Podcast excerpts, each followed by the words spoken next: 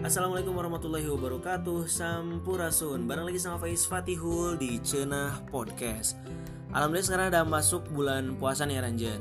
Buat kamu yang lagi dengerin dan jalanin puasa Semoga diberi keberkahan ya.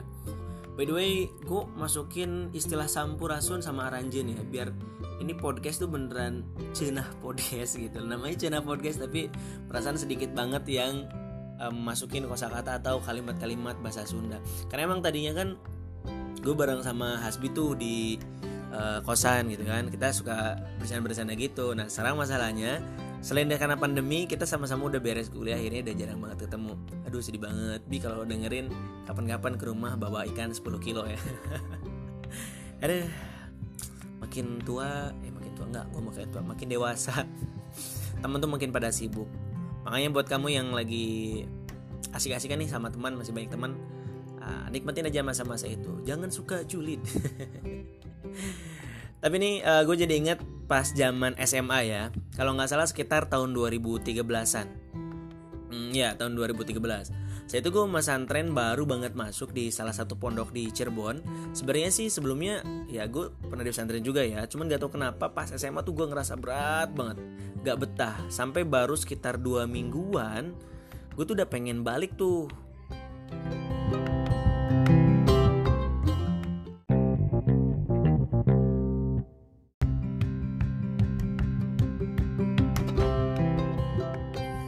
Oke, ini keberapa kali teh? Sorry, beberapa kali suara gue kecetit. Ya, malum lah ya, orang puasa. uh, padahal ini masih pagi loh, baru habis subuh. Kenapa Ing sudah tercetit suaranya? Oke, kita lanjut lagi ke ceritanya gue. Uh, gue baru masuk pesantren pada saat itu kan. Gue nangis bener seriusan pas zaman SMA tuh gue sampai sempet nangis karena nggak betah gue pengen balik pada baru dua minggu di pesantren gue minta sama orang tuh minta dijemput. Akhirnya orang tua ngejemput gue dan uh, gue izinkan ke Pak Kiai ini gue datang ke rumah Pak Kiai dan gue izin. Nah pada saat itu gue udah ngomongin tuh sama Pak Kiai Pak Kiai bilang Faiz kamu percaya nggak Ketika bulan Ramadan datang, setan-setan dibelenggu, pintu-pintu surga dibuka dan pintu-pintu neraka ditutup. Nah gue ngeh tuh pada saat itu karena emang setahu gue oh itu hadis kata gue. Cuman memang ada dua uh, penjelasan tentang dua hadis itu, dua sudut pandang penjelasan. Ada sudut pandang bahasa sama sudut pandang uh, kayak tersirat gitu.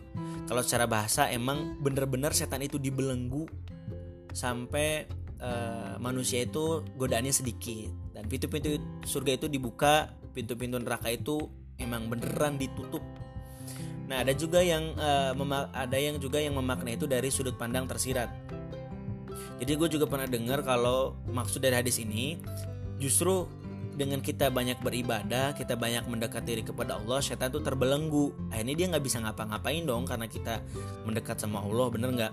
Dan sedemikian sehingga uh, karena kita banyak ibadah ini Allah membukakan membukakan pintu surganya untuk kita dan pintu pintu neraka ditutup. Ya kayak gitu. Nah cuma pada saat itu gue nggak bilang kayak gitu lah enggak lah. Gue cuma bilang iya pakai percaya kata gue terus kayak gue bilang nah tapi kenapa coba? Ketika bulan puasa masih banyak orang yang maksiat masih banyak orang yang uh, mohon maaf mabuk-mabukan. Masih banyak orang yang berzina masih banyak orang yang meninggalkan puasa gitu. Padahal puasa itu suatu hal yang wajib bagi seorang muslim. Gue bingung tuh. Ah maksudnya gimana ya gitu. Terus Kiki bilang kenapa coba kayak gitu? Katanya setan-setan dibelenggu. Nah gue mikir ah gue belum connect pada saat itu. Adanya gue bilang uh, kayak gue bilang langsung ngelanjutin ngomong pada saat bulan puasa setan itu emang bener-bener dibelenggu pintu-pintu surga itu beneran dibuka dan pintu-pintu neraka itu beneran ditutup. Cuman apa yang membuat manusia melakukan keburukan? Nafsu mereka sendiri. Wadek tuh gue baru nge. Oh nafsu. Iya manusia punya nafsu. Terus kayak gue bilang gini Sekarang bulan puasa Seharusnya nggak ada setan yang godain kamu buat pulang dan gak betah di pesantren? Jawabannya satu, kamu nggak betah di pesantren dan kamu pengen pulang. Sampai minta orang tua kamu ngejemput tuh ya karena emang nafsu kamu sendiri. Coba deh kamu belajar eh, sekarang kamu boleh pulang dan kamu belajar bagaimana cara mengendalikan nafsu kamu sendiri. Dan itu sampai sekarang gue masih terngiang gue masih inget ceritanya. Dan masih jadi uh, pangingat-ingat gue gitu ya. Kalau misalkan gue lagi uh, apa ya malas-malesan atau lagi apa ya lagi malas makanya pokoknya lagi malas-malasan lagi ngapain gitu gue pasti selalu ingat gitu masya Allah. Semoga Allah selalu merahmati kayak gue dan uh, keluarganya. Semoga Allah selalu memberikan ibadah hidayah kepada beliau. Dan ya gue ngerasa sebagai santrinya ngerasa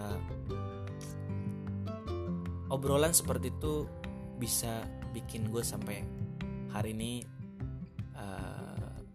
sedikit demi sedikit belajar jadi orang yang lebih baik. Asik. Ya oke okay, kita uh, stop dulu. Nah jadi intinya tuh nafsu ya Aranjen.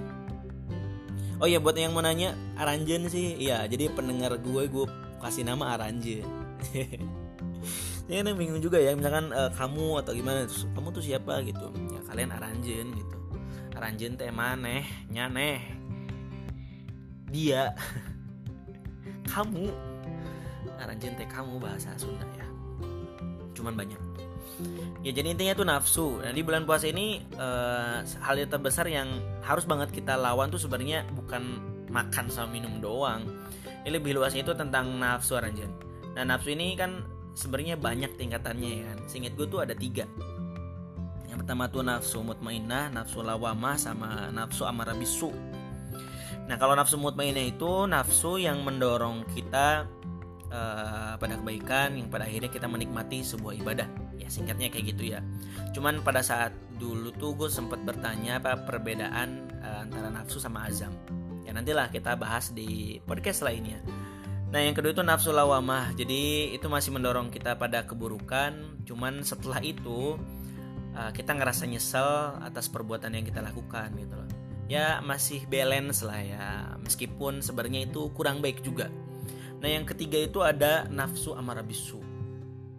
Itu ini nafsu separah-parah nafsu sih. Jadi kita sampai menikmati perbuatan buruk itu dan ya pokoknya selalu menunjukkan kita pada sebuah keburukan.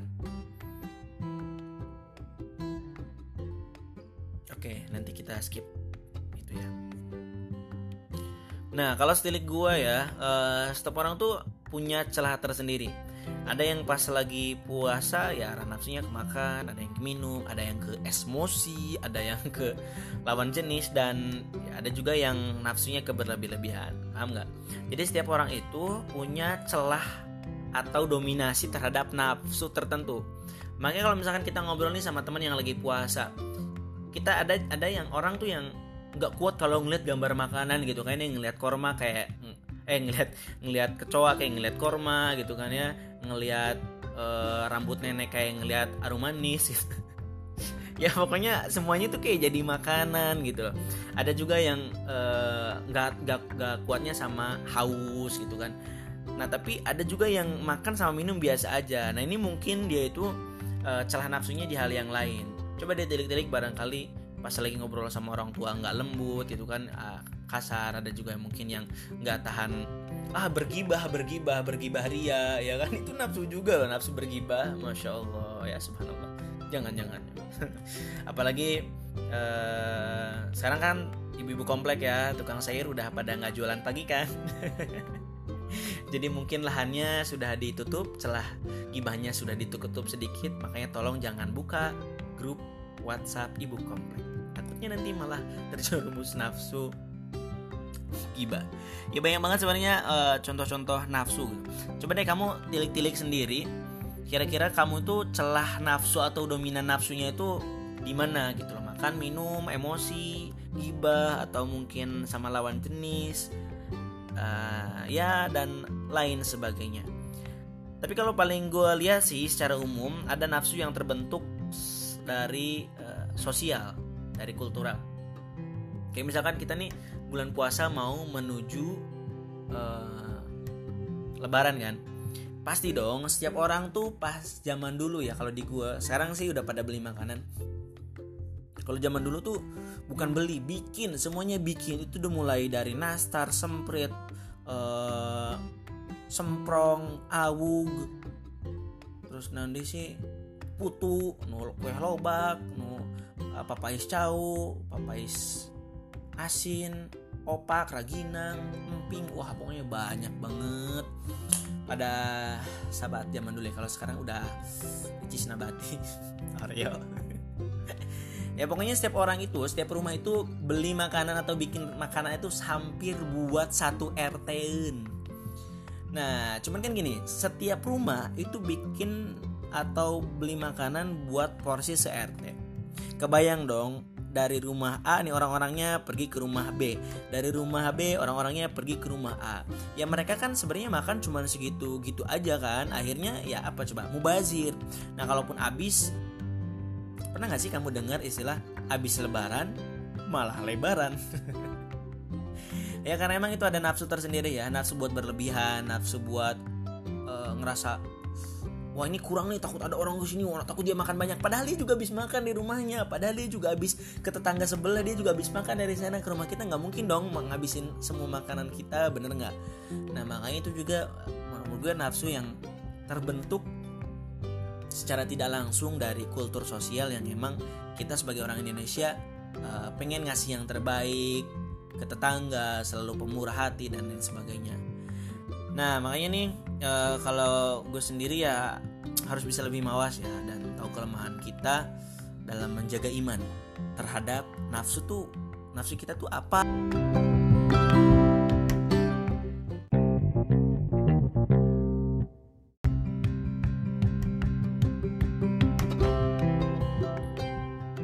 Ini Rasulullah pernah bilang afdolul jihadi ayu jahadar rojulu nafsaha wahawahu Jihad yang paling utama adalah berjihad melawan dirinya sendiri dan hawa nafsunya.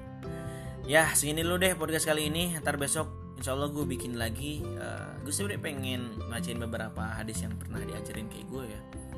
Nanti deh, semoga Allah ngasih kesempatan dan kalian juga diberikan hidayah buat selalu terbuka menerima ocehan-ocehan gue. Faiznya pamit. Wassalamualaikum warahmatullahi wabarakatuh.